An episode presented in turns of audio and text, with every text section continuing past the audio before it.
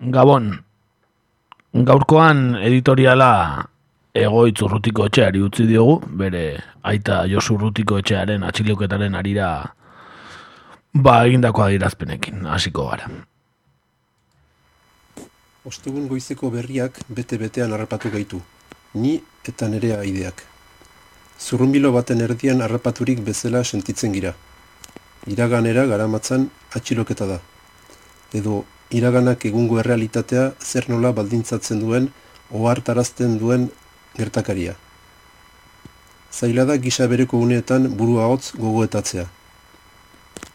Hemendik aintzina, aitite ikusteko aukera izanen dutela errandiet alabei. Atxiloketa iragarri diedan unean eragindako saminaren aringarri gisa. Gure belaunaldia ere hortik pasatakoa da. Belaunaldi sakrifikatua. Sakrifikatua bai, ez bizitakoa gogorra izan zaigulako, baizik eta sentimenduak adierazteko tarterik izan ez dugulako. Aurrera egiteko horrela behar omen zuen izan. Eta oraindik ere, iragaineko trabesetan katramilaturik jarraitzen dugu. Kalkulu politiko eta taktikoen izenean gure alde sentsiblea urratzen. Bizigaren espektakuluaren jendartean zabor festa hasi baizik ez da egin. Ostegun goizetik gaur arte, Frantziako prentxan agertu artikuluei soazkar bat bota ondoan, ignorantziaren itsasoa zoin sakona eta zabala den etorri zait gogora. Gaiak zoin arinkeriarekin tratatzen dituzten, izan Euskal Herrikoak ala non nahikoak. Zein gaitasun duten gertakari oro bere kontestutik atera eta botere guneetarik edatzen diren informazio interesatuekin itxuraldatzeko. Kazetariek zirko mediatikoa elikatzeko ezur gozoa aurkitu duten onbait. Frantziako eta Espainiako estatu ordezkariek berriz trofeoa. Belaunikatzea onartu ez duen herria humiliatzen jarraitzeko trofeoa. Iraganean katramilaturik nahi gaituzte. Eta ein handi batean lortzen ari direla erran nezake. Metafora bati erreferentzia eginez, ilargia izendatzen duen atz puntari begiratzen diogula iruditzen zait. Ilargia dugula helburu ahantzirik. Atzoko atxiloketa ez da bakearen kontrako eraso bat izan. Estatuek bakeaz egiten duten interpretazioaren aplikazio soila baizik ez gaituzte ulertzen eta ez gaituzte ulertu nahi ere. Argatik, bestelako gramatika bat eraikitzeko mementua ere bada honako hau. Iraganaren itzulbideri gabeko bidetik ateratzeko manera bakarra, bi estatuei aurre egiteko jokaleku berria eraikitzea da. Estatuen lerratze autoritario orokortuaren aintzinean, bestelako zeru bat eskainiz euskal jendarteari. Hortxe egoitzurrutiko etxea, eta hemen hasten da gaur egur. Guten Tag, meine Damen und Herren. C'est la lutte contre le terrorisme. Katea ez da eten.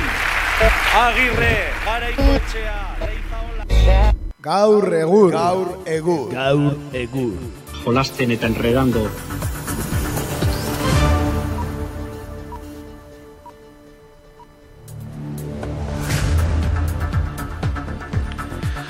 Beno, bueno, arratsaldeon entzule hemen gaituzue berriz ere astelenarekin, e, beste astebete jarraian gaur egur egiten hemen kakaintzona estudioetan zuzen, zuzenean, zortzirak eta bost diren honetan, ba maiatzaren hogeian, ongi etorri bihoi. Kaixo, gabon den hori? Bai, kaixo gabon. Eta ba ez errez gehiago egoitzi eskerrak guri editoriala aurreztea batik eta ba bueno, e, besarka handi bat ferari eta familia guztiari ez dakit Espainiar poliziari ze geratuko zaion atxilotzeko ja ez? Ja ez dakit enegarren buruzagietako buruzagi atxilotuta gero ez dakit zen geratuko zaien ja kaso erakunde desagertu baten buruzagiak atxilotzen jarraituko ote duten, ez da galdera? Agian ondorengoetako buruzagiak katalanak izango dira, zein daki. Agian bai. Beno, ba, hori E, ez dugu horri buruzitzen gaurkoa, baina epatu beharra geneukan, ez da? E, ba, Josu Urrutiko etxearen atxiloketa. Eta, ba, besterik gabe bertan gaurri helduko diogu gaurkoan lehenago aipatutako gai bat e, berriro jo, jo puntuan jarriko dugu. Guazen ba.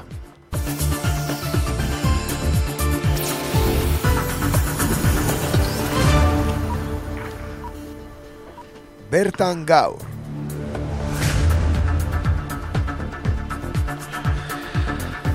Izan ere, ba, aurrekoan Euskal Herrian izan genuen Errepublikako presidentea, Frantziako Errepublikako presidentea, aspaldiko partez, izan genuen Emmanuel Macron Euskal Herrian. Eta ba, besteak beste, ba, datorren abuztuaren hogeita lauta, hogeita zeian, ba, miarritzen egingo den jezazpi gaiurraren prestakuntzari buruz hitz egiteko etorri zen, eta ba, gaurkoan ere ba, jezazpiari buruz hitz egitea otu zaigu, ba, geroz eta gertuago dagoelako eta geroz eta erratxaio gutxiago beratzen zaizkigunez, ba, beste, behin jezazpiaz pixkat hitz egiteko ba, aukera izan dugu. Eta esan bezala, eguardian ziren biltzekoak, bai Macron, e, bai Janrane Etxegarai, Euskal Elkargoko lendekari eta Baionako alkatea, Michel Beunak, Miarritzeko alkatea, eta Claude Olive, Angeluko alkatea. Miarritzeko herri etxean ziren biltzekoak, baina azkenean ordu batak pasata iritsi zen, iritsi zen Emmanuel Macron bera. Munduko herrialde boteretsuenak biltzen dituen G7 taldearen goi bilera antolatzeko elkartu zen Frantziako presidentea hiru alkate hauekin.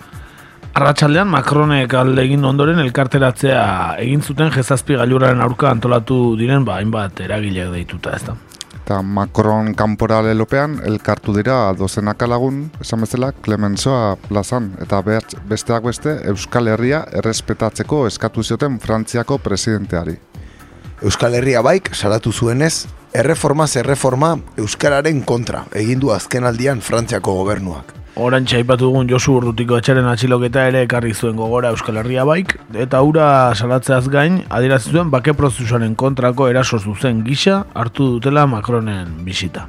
Eta Vincent Bru diputatua, e, martxan alderdikoa, eta Frederik Spagnak senataria alderdi sozialistakoa ere hartu zituen Macronek. Bileratik irtetzean, besteak beste, segurtasunaz, turismoaz eta ingurumenaz aritu zirela azaldu zuen Vincent Bruk.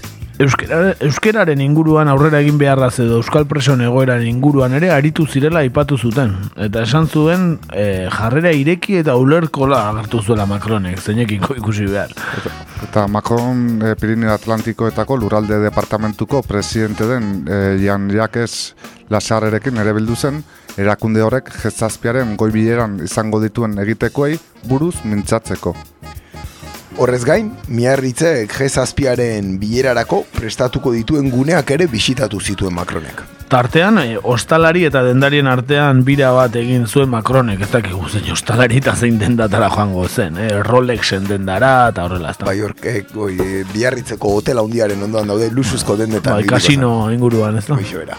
Eta G-zazpiaren kontrako plataformak elkarretaratzea deitu zuen ostiralean atxaldeko zeiretarako miarratzeko Clemensoa plazan aberatzenen gaiurra salatzeko. Gaiur hau mendebaldeko potentzia hundien nagusitasunaren simboloa da, eta badu berezitasun bat. Euskal Herrian izango da, kapitalismoaren kontrako eta beste mundu bat eraikitzeko borondatea sustraiturik eta bizirik diren lurraldean adierazi zuten plataformatik. Goazen ba, jezazpiaren kontra e, antolatzen ari diren gauzei errepaso bat egitera.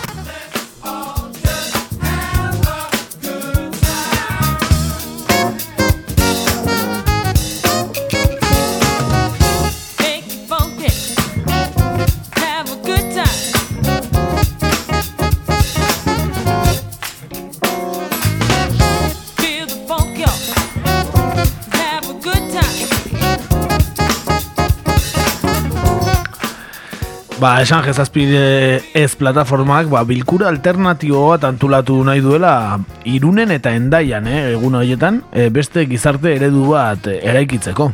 Eta saldu dutenez, proposamen solidarioak, ekologikoak, feministak eta arrazakiriaren imperialismoaren, autoritarismoaren eta kolonialismoaren aurkakoak landuko dituzte. Bilkurak astebete iraungo du abuztuaren emeretzitik, abuztuaren hogeita seira.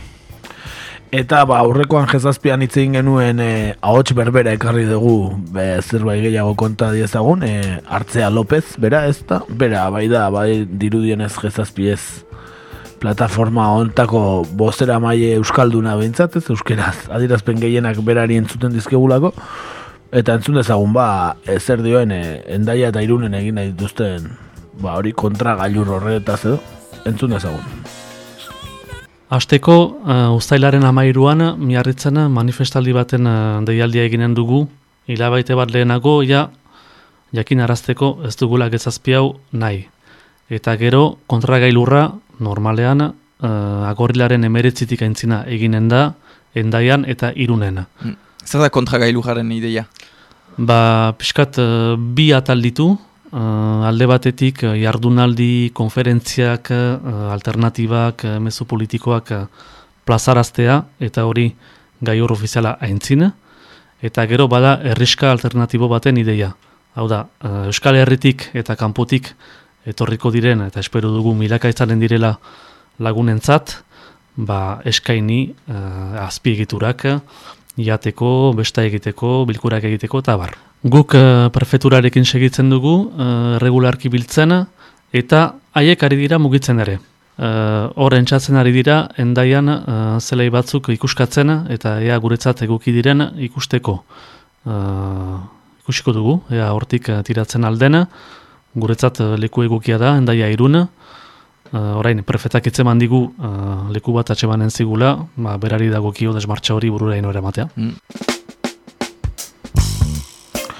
Ikusi egin behar ba, prefenturak zer leku ematen dien endaian, eh? Ez dut ze hor eh, ondartzatiren ondoan jarriko dituzten, baina, bueno, ikusi behar. Desde luego, bai, badago aukera, eh, endaian, desde luego.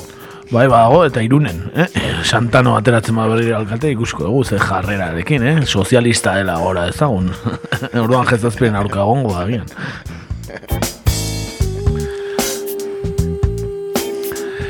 E, aipatu dute jezazpitik aberatxenen eta multinazionalen zerbitzuko den sistema iraunarazteko elkartuko direla jezazpiko potentziak, eta salatu dute herrialde horien eredu ekonomikoak sutan jartzen duela mundua, bizia eta klima suntsitzen dituela, eta desberdintasun sozialak eta pobreziak emendatzen dituela.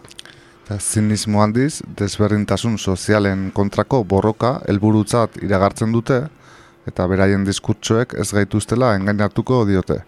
Larrialdi soziala eta ekologikoa kontra jarriko diegu, kontra jarriko diegu, horixe ere adierazi dute. Eta entzun dezagun berriz ere hartzea, aipatu Euskal Irratietan egindako elkarrizketa batetik hartu ditugula audioak, eta ba, entzun dezagun hartzea bera ba, zein helbururekin egiten dituzten kontragailur hauek esaten. Guk diogu gezazpiez, ez da gezazpiez baina, Eh, ez dugu gezazpirik nahi, ez miarritzen, ez inun. Mhm. Guretzat ez du inungo funtsik uh, alako itzordu baten mantentzea, eta are gutxiago eh, hemen eta baldintza hauetan. Espero dugu, eta behar bada hori makjonek uh, beharko du pentsatu, bertan bera utziko dutela. Hau da, uh, zer zentzu du halako gailur baten mantentzea dauden baldintzetan. Bere esku izanen da, kasu guzietan mantentzen baldin badute, guk argi dugu, ezezko dinamika bat martxan jarriko dugula.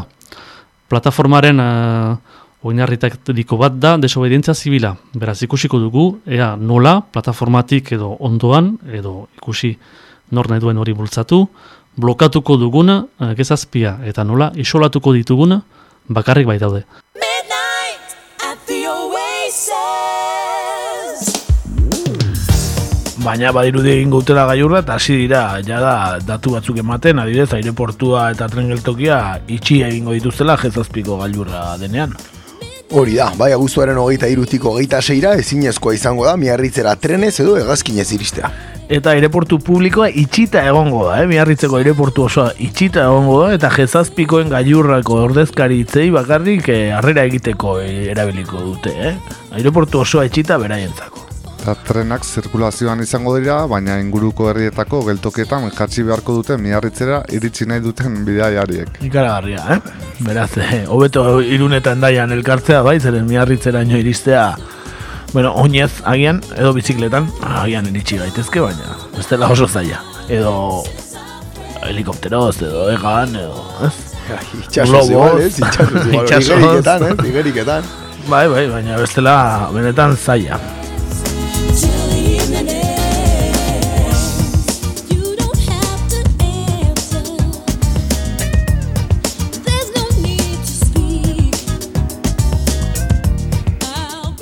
eta hartzea López komentatzen zuen bezala, ba, jezazpiaren aurkako protestek aurrera jarraitzen dute.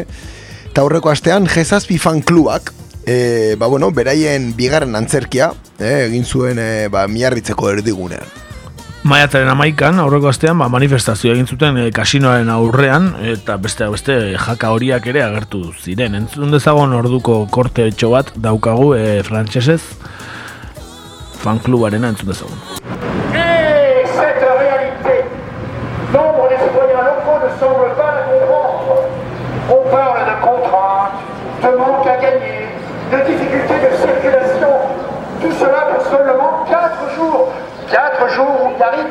Sera le centre du monde, où les grands dirigeants permettront à la ville balnéaire de rayonner durant des décennies.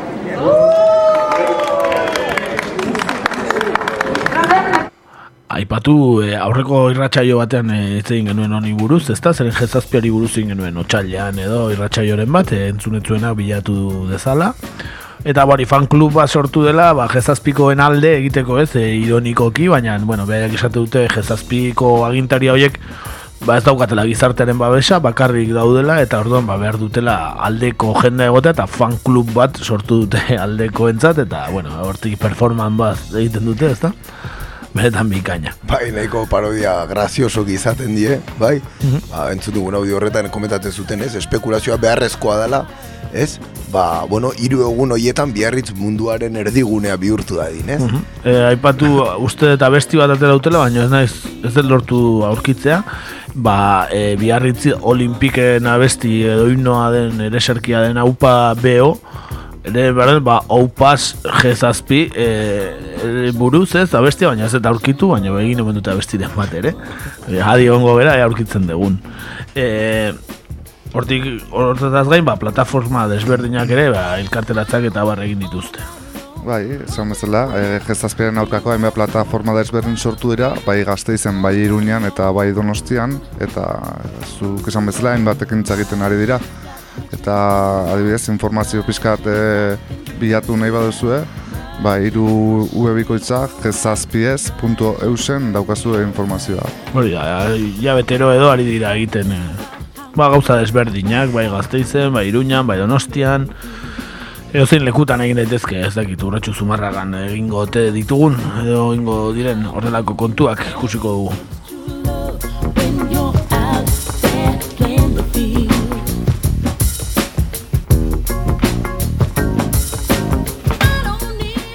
Eta jezazpiaren aurkako ba, mugimendu hauen arira, ere ezin dugu aztu e, hori, ba, jaka horien mugimenduak aurrera jarraitzen duela. Bai, eta estatu frantziarretik jende asko iparraldera mobilizatzera etortzea aurre ikusten dara. Bai, ez da, bere, Frantziar estatuan eh, benetan bero dago egoera, horratik zioen lehen hartzea Lopezek, e, ba, ea, e, suspendituko duten, ez, egoera honetan hori esan du ez, ba, egoera hori da, ba, hori, astero jezaz, e, ba, jaka horien e, mobilizazioa daudela, areagotzen ari direla, e, geroz eta, ba, arazo gehiago izan ari dela kalean, eta ea, ba, Macronek e, erabakitzen duen e, suspenditzea, benetan, e, albiste ona izango litzateke.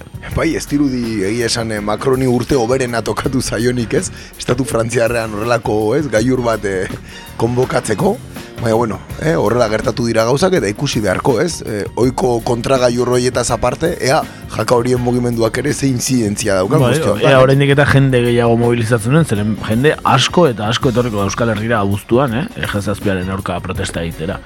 Entzun ezagun hartzea bera, azkeneko aldiz, eh, jaka horiei buruz hitz egiten. Bai, bat dira loturak haiekin ere, ba, azteko eh, hemengo Euskal Herriko jaka horiekin, eta haiek ja ari dira eh, gezazpiaren kontra mobilizatzen, erabaki dute hemendik agorrila bitartean eh, larun bateko elgarretaratze guziak miarritzen egitea, beraz, mm. gezazpiaren gaiari lotuz. Gero, ari dira ere begiratzen, ea nola eh, Frantzia mailako deialdi bat luza dezaketen, uh, agorrilaren hogeita lauan, uh, Frantziatik, jaka horiak unat etor daitzezen mobilizatzera. Eta gero baira beste harreman batzuk uh, Frantziako hainbat uh,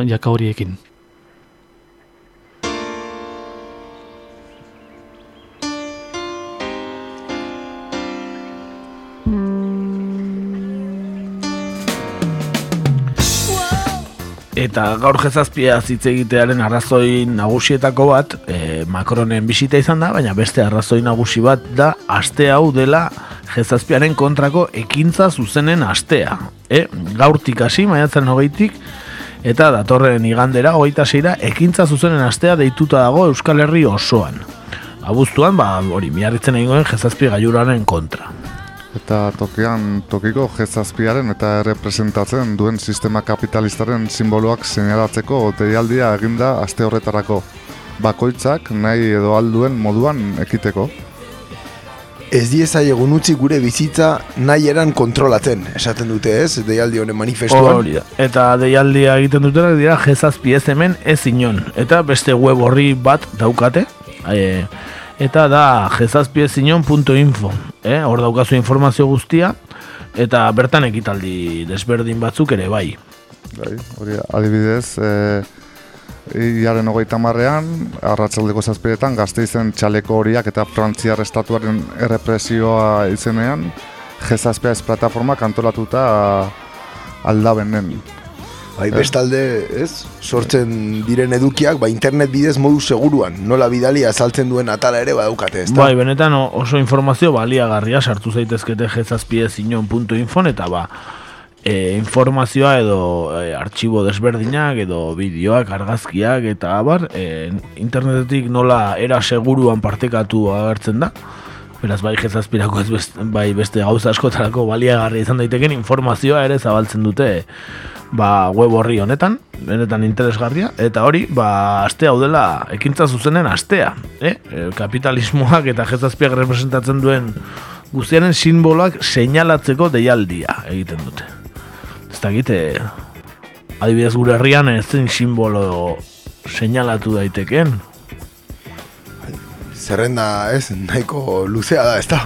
Bai, hemen txe irratitik gertu telepizza daukagu adibidez. Adibidez. Eta zer gehiago. E, Hainbat, ez? taberna guztietan Coca-Cola, e, Adibidez, seinalatu ez? Bai, egongo dira ez. Europar, Europar batasunaren eh, ikurra, bi udaletxetan. Bai, bandera, bai, hortxe daude, eh? Europar batasunako banderak ere bai. Bai, bueno, nik uste dut eh, hainbat eh, dendetan edo supermerkatuetan edo sartu ezkero, ez? Eta zerrenda bat egin ezko bertako produktuekin, ba, Mhm. egongo ziren... asko. ez, asko eta horri gehitzen badiogu Israeli boikota, lehenko azten esan genuen bezala, ba, ia supermerkatu berdi baino gehiago. Bai, bai, uste, eh, bai, bai, desde luego, ez? Bertan ekoiztutako esnea besterik ez dara geldituko, eh? Ba, horixe, e, jezazpia gertu daukagula, abuztua bertan da, eta ea, ea ba, nolako mobilizazio handiak espero dira, badirudi irunen eta endaian e, zentralizatuko direla, zeren miarritzeraino iristea oso oso zaila izango dela dirudi.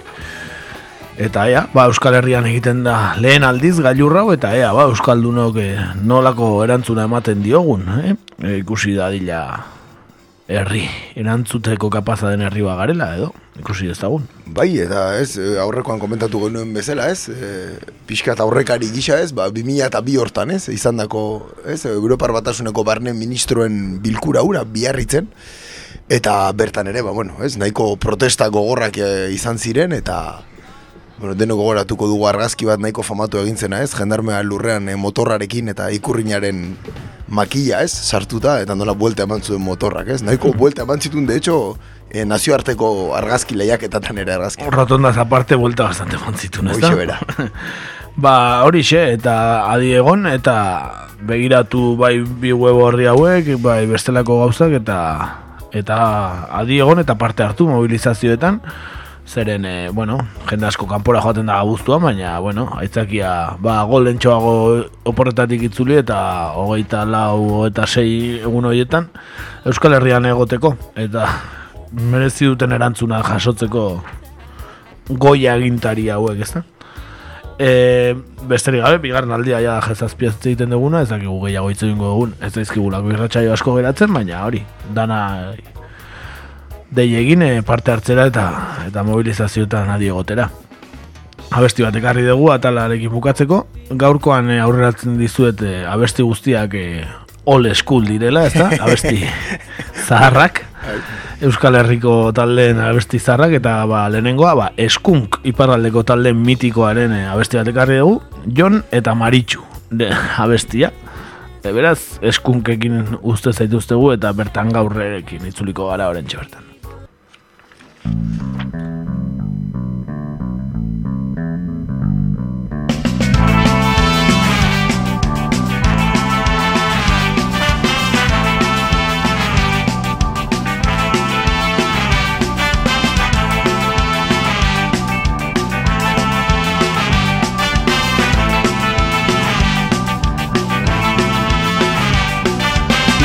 Maritxu hemen sortu dire Beti toki berean egon dire Berak eta ama ere hemengoak dire. Lurra landu zadore guziz Lehen bizia gogorra zen, baina lasai bizi ziren Eguzkia izan dauria, bere jagotkoa zen. Baina denbora ez den orain bezala Iriak mendi aldera heldu dire. Poliki poliki lurra jaten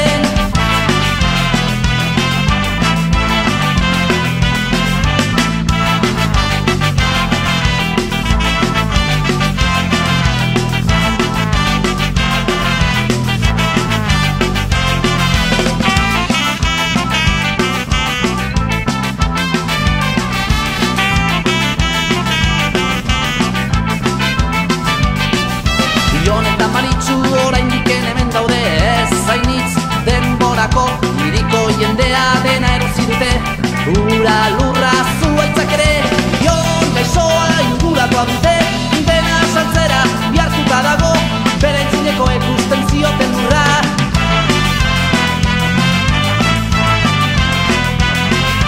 Maritxu lasai egoteko esan dio Baina morrua burua jaten dio. Ion lan nauzi garbitu du Poliziak harrapatu dutera impreso dago armas.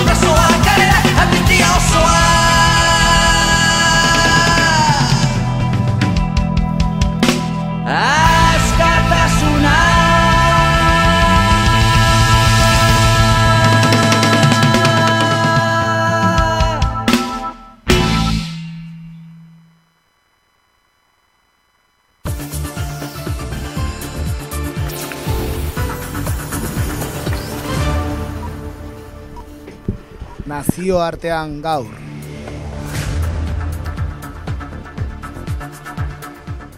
Bueno, ba, beti bezala gure nazioarteko tartera pasatzen gara eta aste hontan, ba, bueno, gure tarte hontan Afrikara bueltatuko gara. E, ohikoa ez bada ere, ba, bueno, saio desente pasa dira kontinente honetara ba, gure azken bidaia egin genuenetik. Eta pasaden maiatzaren sortzian, e, hauteskundeak izan ziren Ego Afrikan, eta bueno, ba, honen arira, ba, bertako egungo egoera zein den, azaltzen saiatuko gara gaurkoan.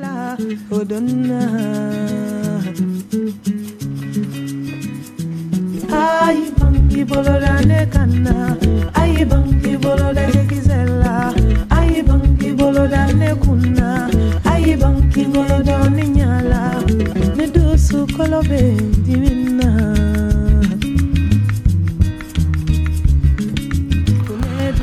Mila behatzen da laro malauko E, maiatzen amarra egun historikoa izan zen Ego Afrikan.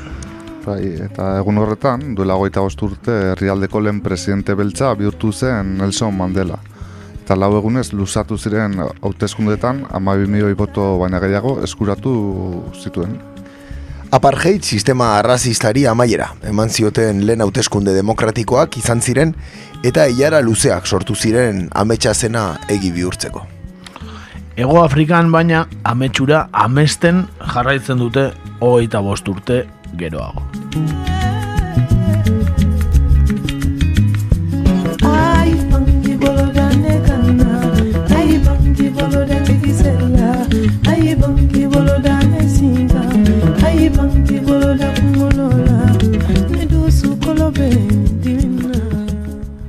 ANC, Afrikako Kongresu Nazionala, inoizko atakarik zaienean aurkitu da hauteskunde hauetan. Bai, jatorrian askapen nazionalerako mugimendua izan zenaren emaitzak gazi gozoak izan dira. Aurrerantzean, Ego Afrikako Asamblea Nazionalean gehiengo osoa izango duen arren, ez du lortu 2000 eta bederatzitik jasaten ari den galera etetea.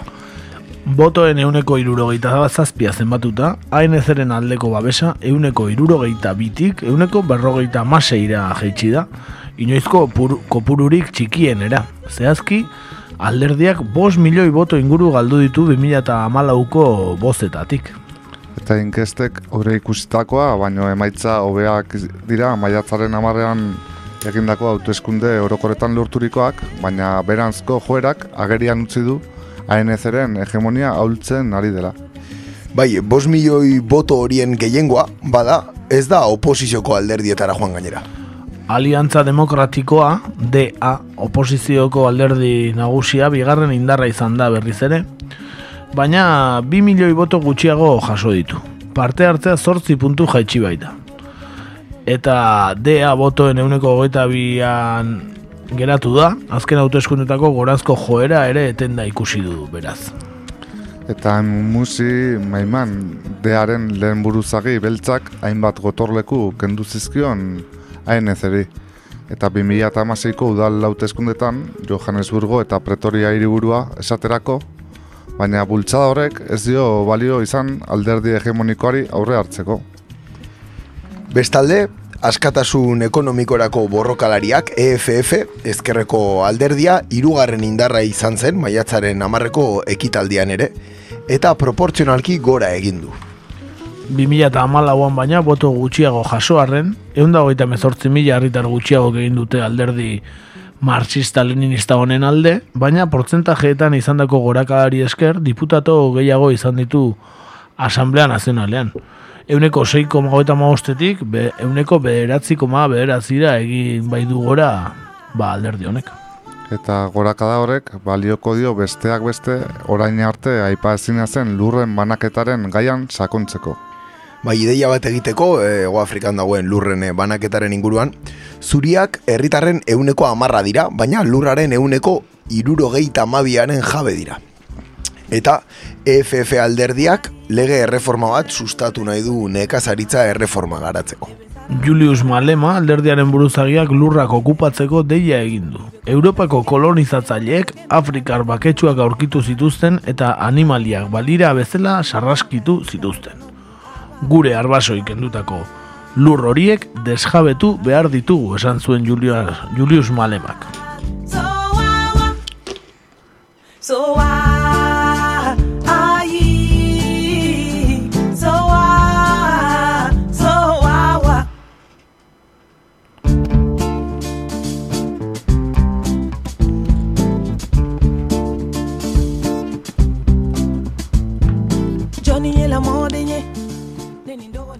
Hau- Hauteskunde batzorde independenteak jakinarazi zuenez, parte hartzea euneko irurogeita bostakoa izan zen. Mila behatzen da larogeita malautik inoiz izandako txikiena.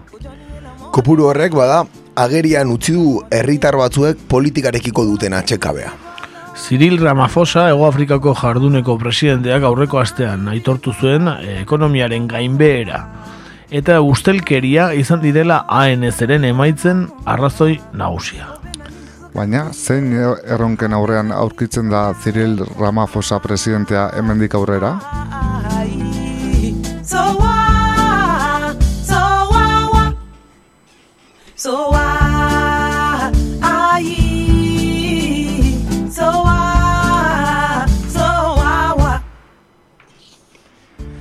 Jarduneko presidentearen babes maila neurtzeko bozak izan ziren maiatzaren sortzikoak, Jakob Zumaren dimisioaren ostean hartu zuen kargu hori iazko otsaian eta ustelkeriaren kontrako borroka bihurtu du bere presidentetzaren ikur. Zumak hain justu, ustelkeria salaketa etengabeen ostean eman zuen amore, ANC haren alderdiak eh, eskatuta, bere alderdiak bereak eskatuta. Eta ANC-ek lortu du Asamblea Nazionalean duen gehiengo osoari ustea, diputatu gutxiagorekin bada ere, eta Ramaphosa presidente investitzeko aukera izango du. Ego Afrikako jarduneko presidenteak, baina sekulako erronka du aurretik datozen bost urteetan. Botoa eman aurretik Ramaphosak barkamena eskatu zien herritarrei ANC-ek izandako ustelkeria kasuengatik. Gure herriari eskatu nahi diogu euren konfiantza inbertitu dezatela berriz guregan esan zuen orduen. Eta ustelkeriaz gain, langabezia gutxitzea premiazko gaia izango du Ramaphosak bere presidentetzan. Kontutan izan dezagun, munduan langabezi tasa altuenetakoa duen herrialdea dela Ego Afrika. Euneko hogeita zortzi koma seikoa da tasa hori, beltzen artean euneko berrogeita amarrekoa. Eta gazteek zailtasun handiak dituzte oraindik ere lanak aurkitzeko. Eta pobreziari aurre egiteko neurriak ere hartu beharko ditu herriaren konfiantza berreskuratu nahi badu. Bestalde, ideia bat egiteko, berrogei tamasei milioi biztanle dituen eh, herrialde hontan, Ego Afrikan, euneko berrogei tamalaua pobrezia egoeran bizi da. Eta horri gehitu behar diogu, IESarekin kutsatutako pertsonen munduko tasa altuenetakoa daukala ere. Beraz, bueno, eh, badu, badu lana, Cyril Ramafosak. Bai.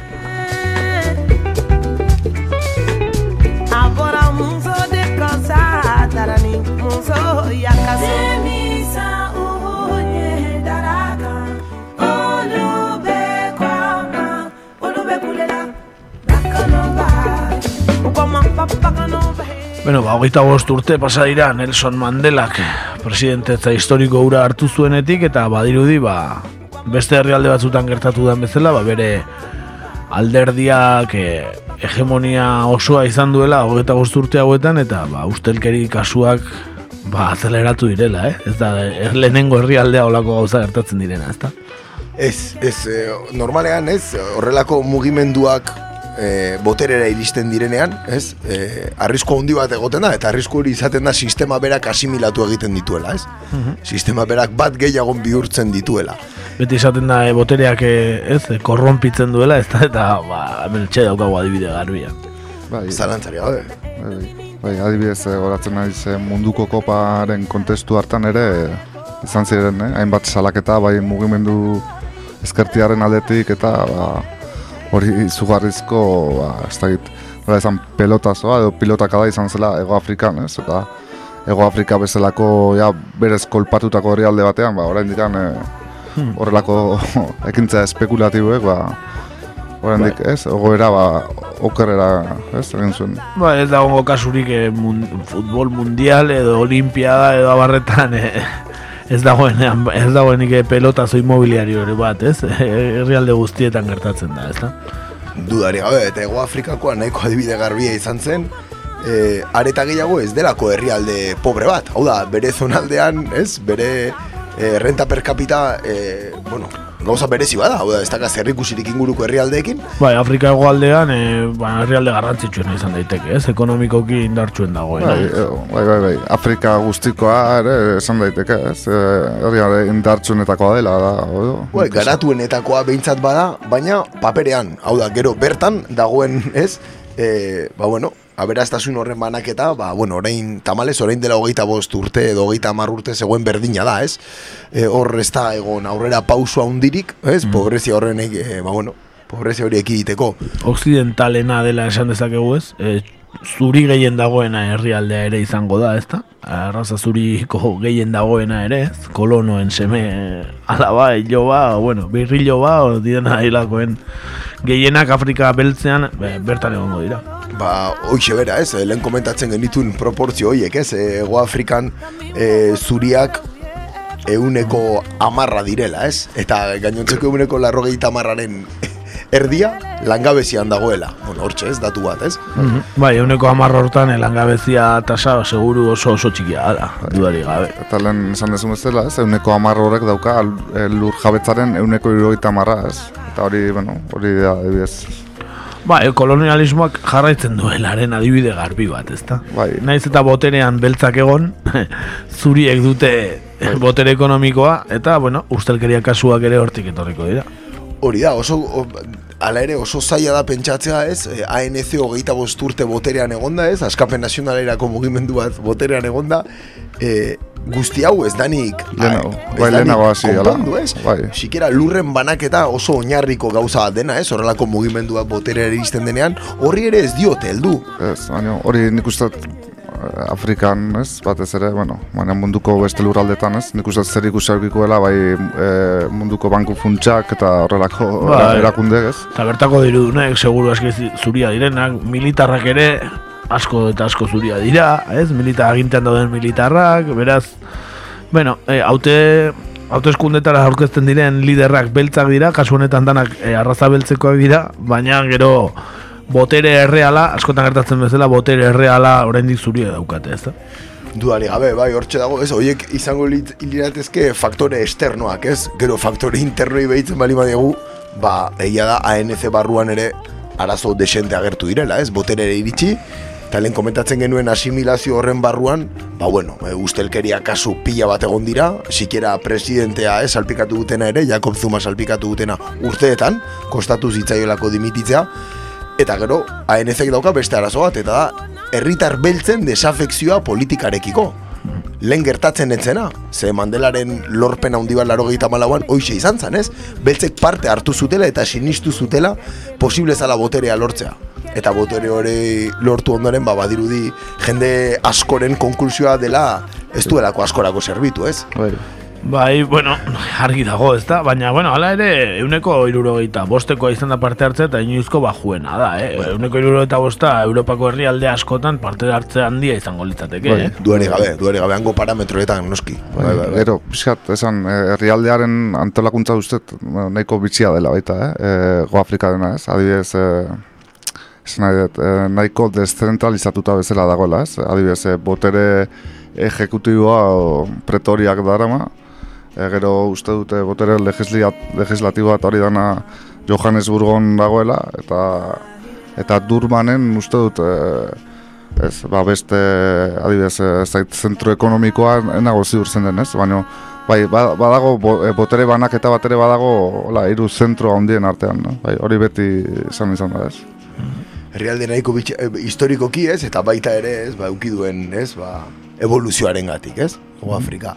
Gero egia da, ez, hor, e, arazo bat gehiago ez, komila tarten sortu zaiola ANC-ri, eta da, bere politiken ondorioz ezkerrera beste alderdi bat sortu zaiola eta eta euneko amarra suposatzen duela e, gaurko gunean, ez? Bueno, hori askotan gertatzen da, ez? E, ezkerrak botere hartzean e, zentralizatzen bada, ba, ba gero posizioan, e, ba, bueno, e, ba, ezkertiagoak diren alderdiak agertzen dira, ez? Hori leku askotan ikusi dugu.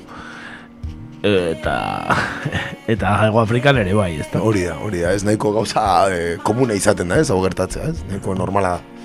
Bai, bai, bai, bueno, toki batzutan orain dio gertatzeko dago, baina bai, e, beste batzutan ala, ala ere, bueno, e, ez daude Afrikan ala ere hainbeste urtetan e, mantendu den alderdi bat e, horrelako trajektoria batekin, ez? E, e, boterera iritsi apartheidaren ondoren eta hogeita bost urtetan boterea mantendu duena eta baina e, gehiengo absolutuarekin, eh? Bai, eta bitxia da baita ere nola goita urte hauetan nola bakea nola mantendu diren, ez? Adikain egoera zaietan eta be- beltzak apartheid goroaren ondoren ere ba, nik uste Nelson Mandelaren esfortzu handiari esker e, ba, ba, ez, bake hori edo bueno, jendea lasai mantendu ahal izan duela, zatik.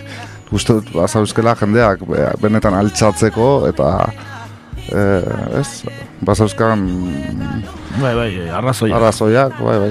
Bai, bai, exakzio gutxi egon dira, ez? Beste herrialde batzutan, e, ez? Askoz bortitzagoak izan ziren, ez? Horrelako mugimenduak eta eta hemen ordea, ba, badirudi gauza nahiko lasai jundela, ez? Zeuden antezedenteak ikusita, ez? Egia esan.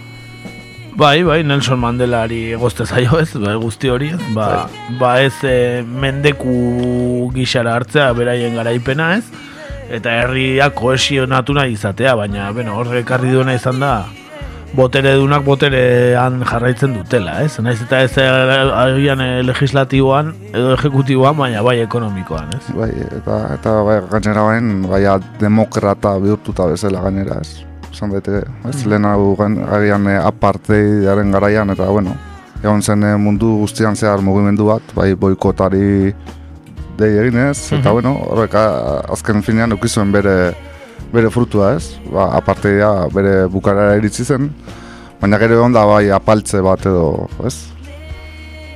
Bai, bai, bai, gara dirudi, baina, bueno, ez da egoera erresa, eh? Esatea eh, hori, bake sozial hori mantentzea bera, ba, eh, ba, ba nahikoa meritu, eh? Ikusi behar, ba, hori, eh, agian, eh, oraingoz gaiengo absolutua dauka, beraz, segiko du nahi duena egiten ANC, esan dezagun, edo uzten diotena, edo ustelkeria kasu ez gain, ba, ba botere ekonomiko ikusten diotena, baina, bueno, eh, dinamika honek jarraitzen badu, agian e, ba, gehiengo absolutua galdu dezake urreko hauteskunde batzuetan, balizko hauteskunde batzuetan, eta agian e, hor ikusi behar zeinekin e, horrazten bada joku politikoa eta itunak eta ba, zer, zer gertatuko da, ezkerrekoekin egingo duen edo, edo, edo alderantziz. Hortxe, ez, hortxe pixka gakoa, ez, hemendik aurrera zer, ez? Ikusiko dugu, ez, aber nola, nola juten den kontua, baina, baina hoxe esan dakoa badu lanak, eh, presidente berriak. Bai ala dirudi. Eta ba, bestitxo bat ekarri dugu atala izteko. Esan dizuegu e, talde historikoa ekarri ditugula, ezta? Euskal Herriko rockaren e, talde historikoa. Eta oraingoan ba, historikoenetako bat, ezta? Kortatu. ez egon. Osea, besti, izango da, Ego Afrikari buruz hitz egiteko.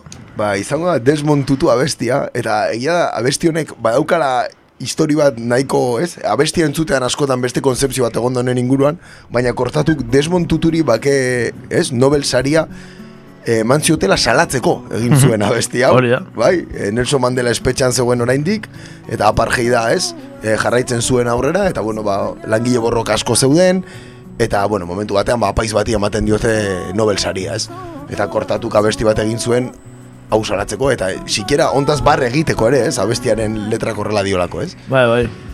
Ba, hortxe, uu, desmontutu. Entzun ezagun. Hey, listen, man. For this song is not dedicated to Desmond Tutu. Desmond Tutu want free no generation. His word has not come true, no sense of revelation. He's got a Nobel Award for his partial solution, where real fighters are under persecution.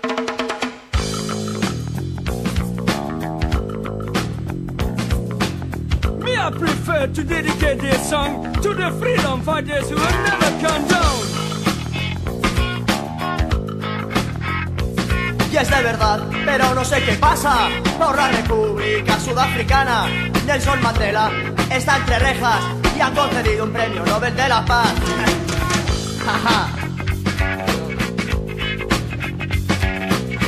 Ah, Desmond Tutu Ooh,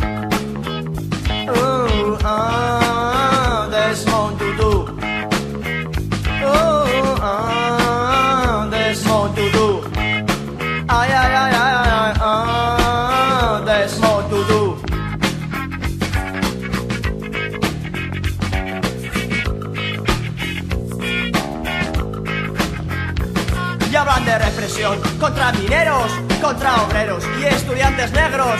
Y es de verdad. La resistencia está entre rejas y han concedido un premio Nobel de la Paz.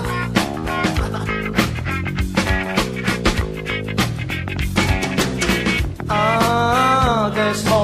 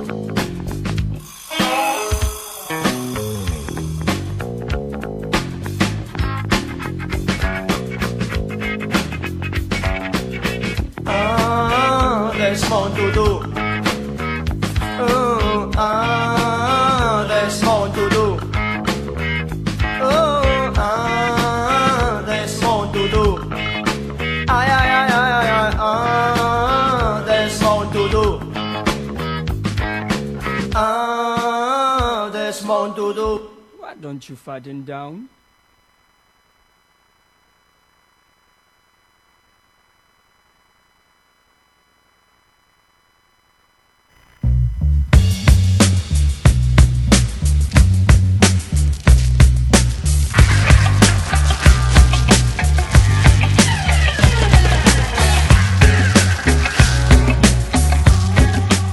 Eta orain, efemerideak.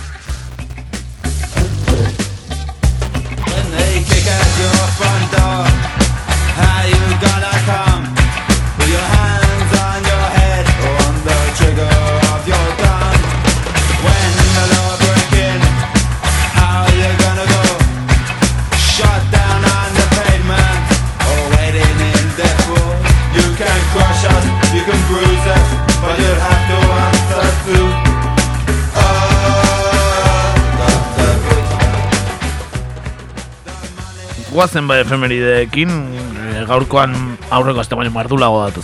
Bai, azteko eta ben, e, maiatzaren emeretzidea joko dugu, baina mila bosteun dara goita batera, mila bosteun da goita batera, barka, eta egun hartan Enrique Bigarrena Nafarrekoaren tropek Iruña berreskuratu eta ondorengo egunetan Nafarroa guztia berreskuratu zuten.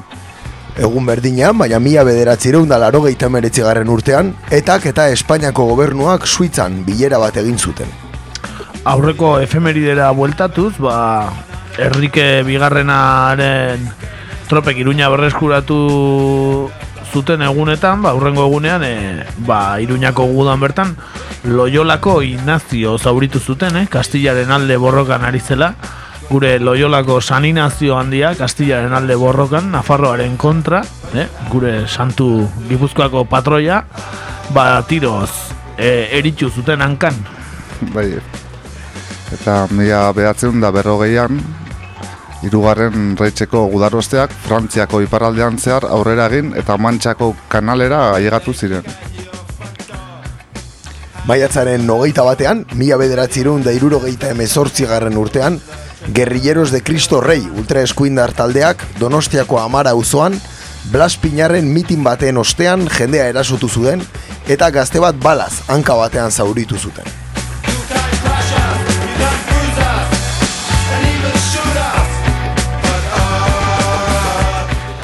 Maiatzaren hogeita batean, baina 2000 eta zazpian, etak eta Espainiako gobernuak alde batetik, eta pesoek eta batasunak beste aldetik, bakoi prozesuko azkeneko bilera egin zuten loiolako prozesua edo maila ez, saninazio ere bertan ikusten egongo zen.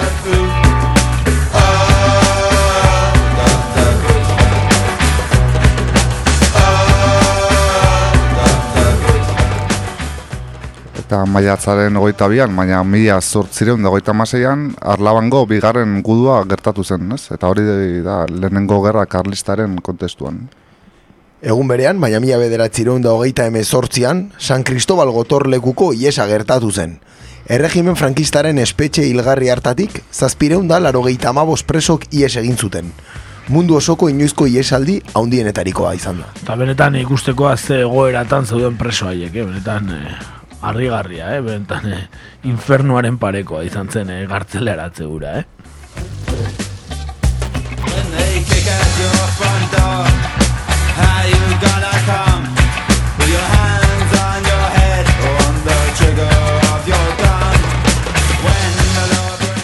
Maiatzaren hogeita iruan, mila bosteun da irurogeita zortzian, Herbereak Espainiatik, edo Kastillatik independizatu ziren, eh?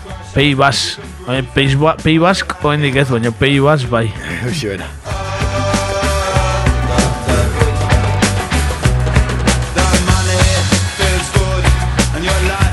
Eta maiatzaren hogeita iruan bertan, baina mila behatzen dala erogeita mezortzian, Irlandako Errepublikak, Errepublikako eta Ipar Irlandako hauteslek baiezko eman zioten ostiral santuko akordioari e, referendum bidez. Bai, oraindik an eh, Hor, akorde hortako puntu batzuk, eh, oraindik eh, bete ez badira ere. Hogeita bat urte, ondori.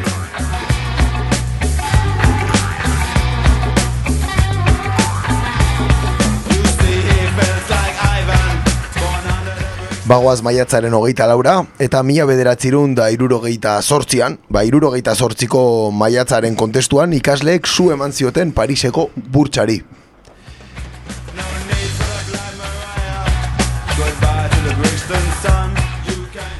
Oiek bai seinalatu zutela, eh? Pariseko burtsa, lehen komentatutakoaren arira, ez da? Bai, jaka horiek ere seinalatuko dute agian.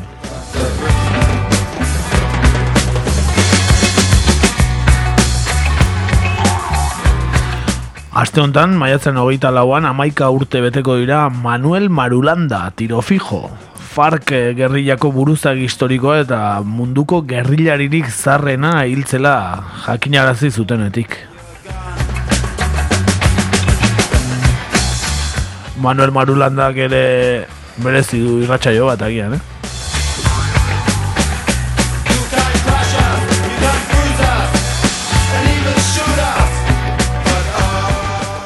Eta maiatzaren hogeita bostean, baina mila bederatzen dago eta mezortzian, Espainiako Gerra Zibileko alakanteko bombardaketak iruren da amairu hildako eragin zituen.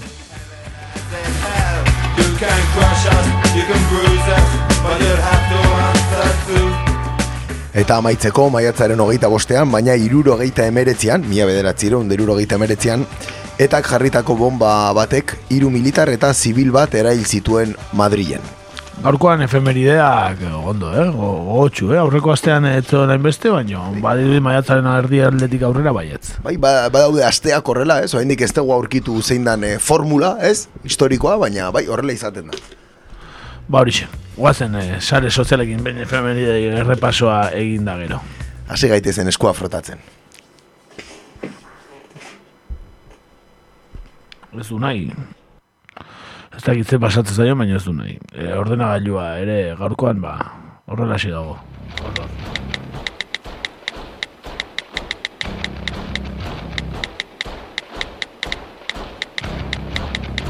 Und das deutsche Volk siegt ein!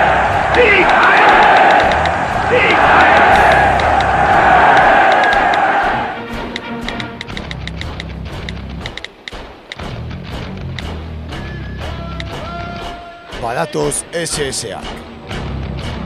Sare sozialetan egur.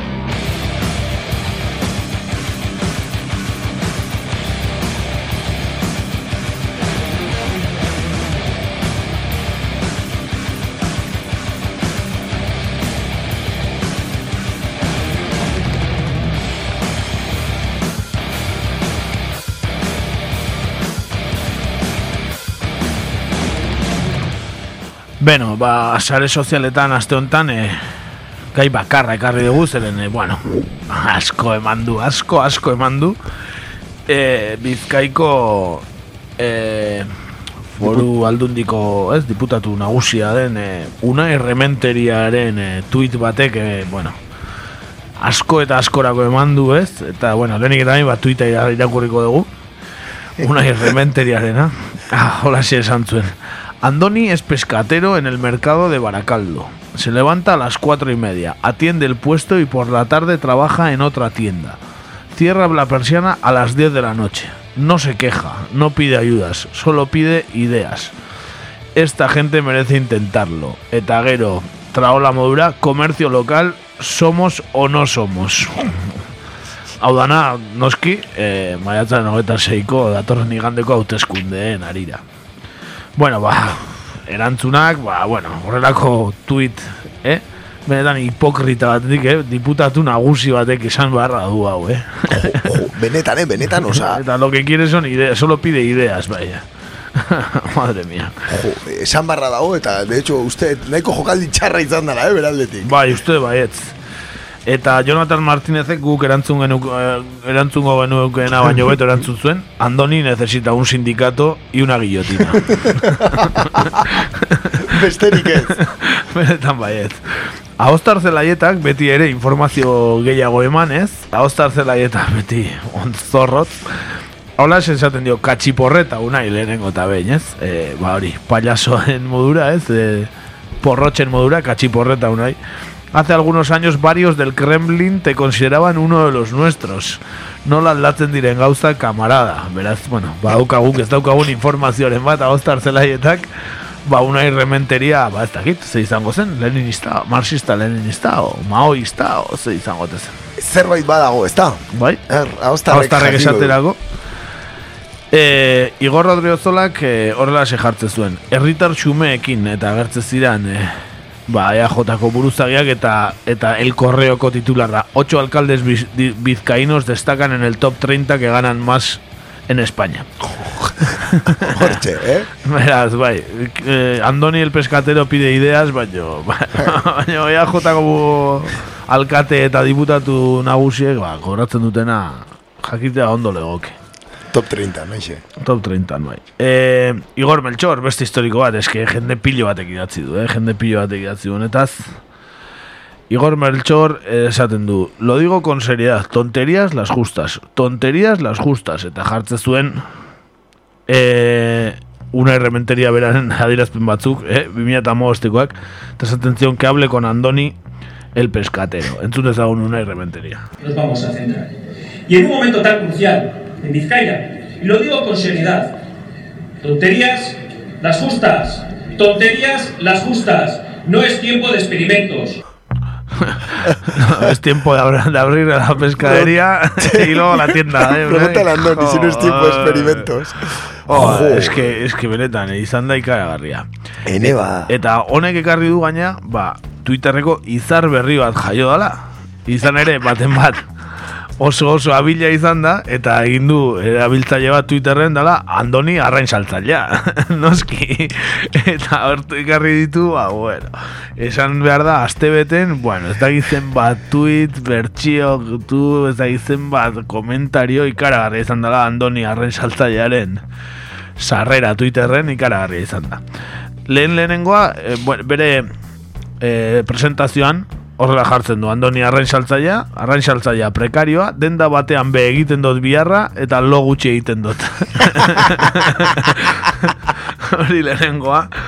Eta gero, ba, aste osoa, ba, pilo bat tuit, ba, lehenengotakoak izan, zan, izan zian, e, una irrementeriari berari idazten, tu compras el pescado en el puto Mercadona, izan zan lehenengoa, lehenengotakoa. E, gero, urrengo domekan, una, una irrementeria buzkatuko dut, ez bai naiz ke, kexatzen, eta esplotatu izatea gustoko dut, eta, ez, ba, bueno, hola pillo bat, baina egunero, egunero pillo bat. E, unaite mentiria, jarri zune bai, una irrementeria garren. e, e, gero, ez esan, lautorretan jeiki eta amarretan itxi, esate zion oianek, Bilbao Bizkai Extreme Fishmonger Challenge, no compilation edition. Esate zion, ez? Oianek eta hori zuzena da, gauez inglesa ikasten dut, esate zion arrain zeltzaiak ezke, buah, aste honetan ibili da, baina ikaragarri, eh? Eh, Edo, ¿no os parece que una irrementeria es un atuntau? Hola, polako pillo bat atuntau, bueno, arraiekin, berdel, ez dakize, boa, pillo bat orako, eh? Eta gero, asistan, zer nahiago zu arrain saltzaile ona ala euskalduna? Zer nahiago zu orduak errespetatzen dituen arrain saltzailea ala euskalduna? Zer nahiago duzu EAJ liberala edo euskalduna? Bueno, hola, pillo bat eta pillo bat, gero sushi estan zaudenean ni dendan arratsaldez lanean, pillo bat, baina ikaragarria izan da, gero igual jartzen beti eskama kentzen, kentzen, kentzen, da hola, o, Jose Mielen batela, txitxarroa eta berdela, eta, bueno, izan da aste bat, baina ikaragarria, Andoni Arrain saltzailearena, benetan. Gaina, gizki ikusi ez baet, arrain andoni lau ez, lau erdi deitzen da, tipo. Bai, eh? bai, bai, da. Bai, bai. Jendeak kristonak inditu, inditu ariak, eh, Andoni orain, eh, Andoni orain atxaldeko turnoan, eh, eta hor sofan lo, ez da gize, ba, dana, ba, Andoni gaueko amarretan da hor, eh, hilda hor, ez da gize, ba, jendeak izan da sobra, sobra. Ba, ez zuen gutxigo, espero, eh, merezi una irrementeriaren, eh, kontu honek, baina, baina. Ez, ez, nola, nola esan daike hori, eta areta gehiago, nik uste, ez, hau bere, nola esan, amets erotiko bat edo izango litzakela, ez? Espero dut andoni ez existitzea, espero dut. Hau da, eh, la niña de Rajoy bezalako invento bai, bat bai, izatea, da, espero, eh, exactamente, eh. exactamente, ez, hombre, bakarrik hori falta eh, olako tipu batek eta gaina ea jota ibozkatzea. Hoxe bera, ez? Eh, gobernuan, bai eusko jaurlaritan, bai bizkaiakoan, pasa dute bizitza osoa eta goen dio olako jendea dago eta eta jotako da dia, benetan ikaragarrian. Eta asko txokatu, zi- ez, ja, bromaz apartea, asko txokatu zitzaidan e, idatzitakoan, esaldi bakarrean jartzea. No se queja, bastante, ez, nahiko significatiboa, koma, no pida ayudas. Claro. Eh, bi gauza borobiltzen ditu esaldi batean, Bai, bai. trascendentzia undikoak, ez? No se queja, y no pida ayudas, hau da probetxuzko pertsona bada. Hori da, hori da. Laguntza eskatzen dutenak ez dira probetxuzkoak. Eta kejatzen dianak ere ez. Eh, egin dana da, goizeko lauterditan jeiki eta gaueko amarretan etxeratu. Bera. Egunero. Izateko probetxuzko gizona. Hori da. Edo emakumea. Bueno, benetan, ikaragarria, une rementeria bere egunean uno de los nuestros Kremlin entzatu, haustarrek zioen ez, ez dakigu nun egongo zen apuntatzekoa, eh? Ja- Jakingo, bueno, enteratu beharko gea, une rementeriaren iraganaz pixka gehiago enteratu beharko gea. Eskarbatuko dugu. Bueno, izar bat gehiago, eh? Gure sare sozialetako atalerako unai rementeria, eh? Benetan, eh? Tonterias las justas, eh? Esatu zuen beak, jo. Y tanto, bueno, be, eskerrak, ez, e, iturgaitzen falta, ez, somatzen genuen azken aldian, eta eskerrak unai agertu dan, ez, azken Bai. finean, ez? Bueno, ba, guk ere gure ekarpena egingo diogu Twitterren kontu guzti honi eta ba, pentsatuko zuen bezala, ba, gure Twitterreko galdera honi buruz. E, izango da, una errementeriari buruz.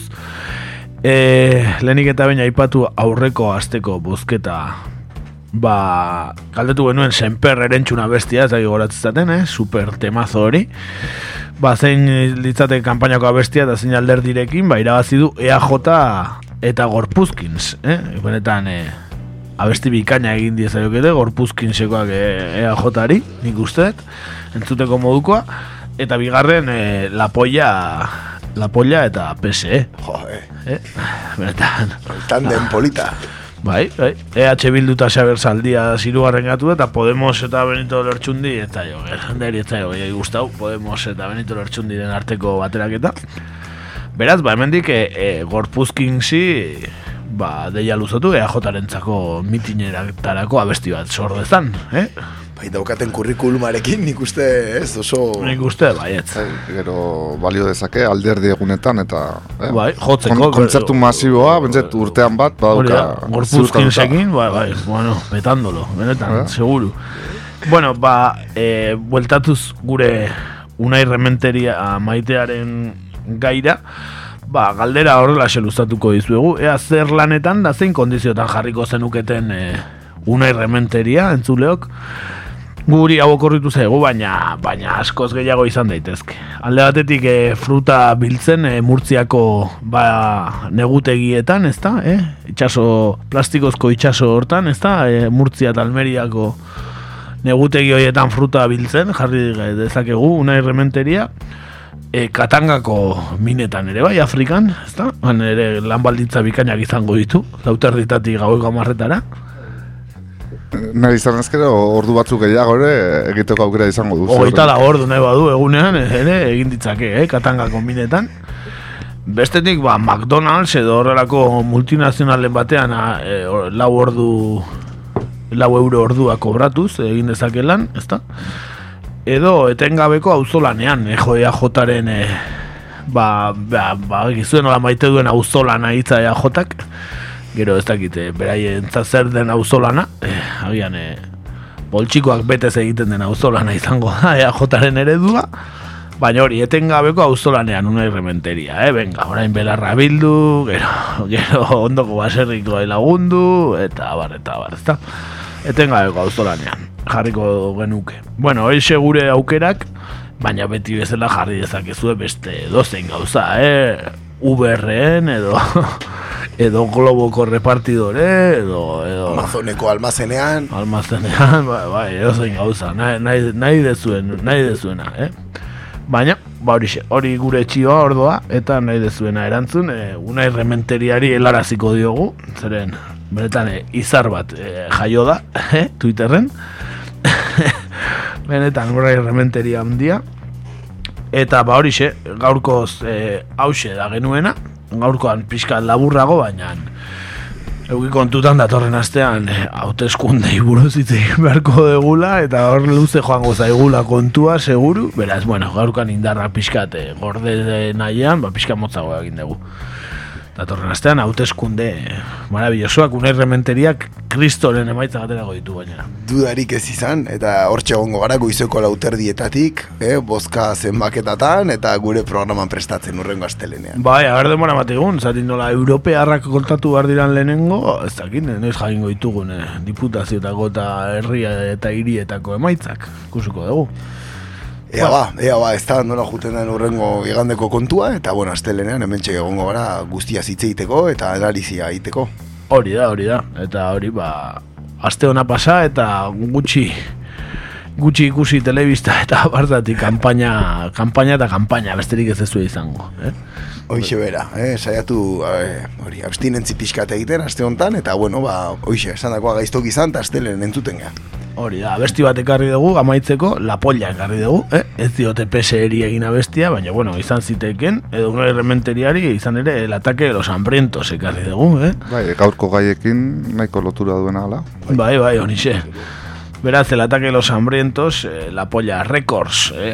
itzuli diren agurengo talde eh? historikoa, eh? Beraien eh, hilobietatik altxa eta eta bueltatu dira, eh, musika egitera. Aguraingo agureak. Eh? Aguraingo agureak, hori da. Noiz behi gazteak izanak. Ba, hemen txe, el ataque de los hambrientos, la polla records, ba, zuentzat eta datorren astera arte. Ondo izan. Gaiztok izan.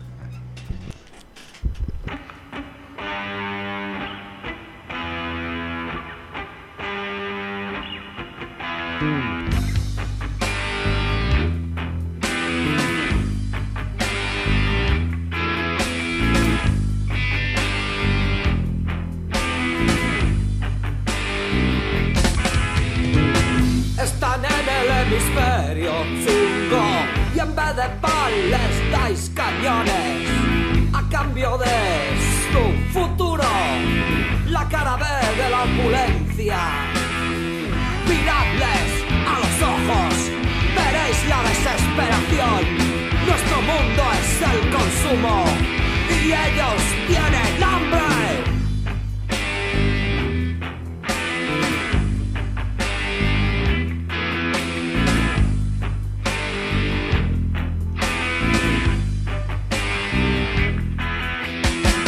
dos segundos muere uno, porque en su sitio ponéis un arma.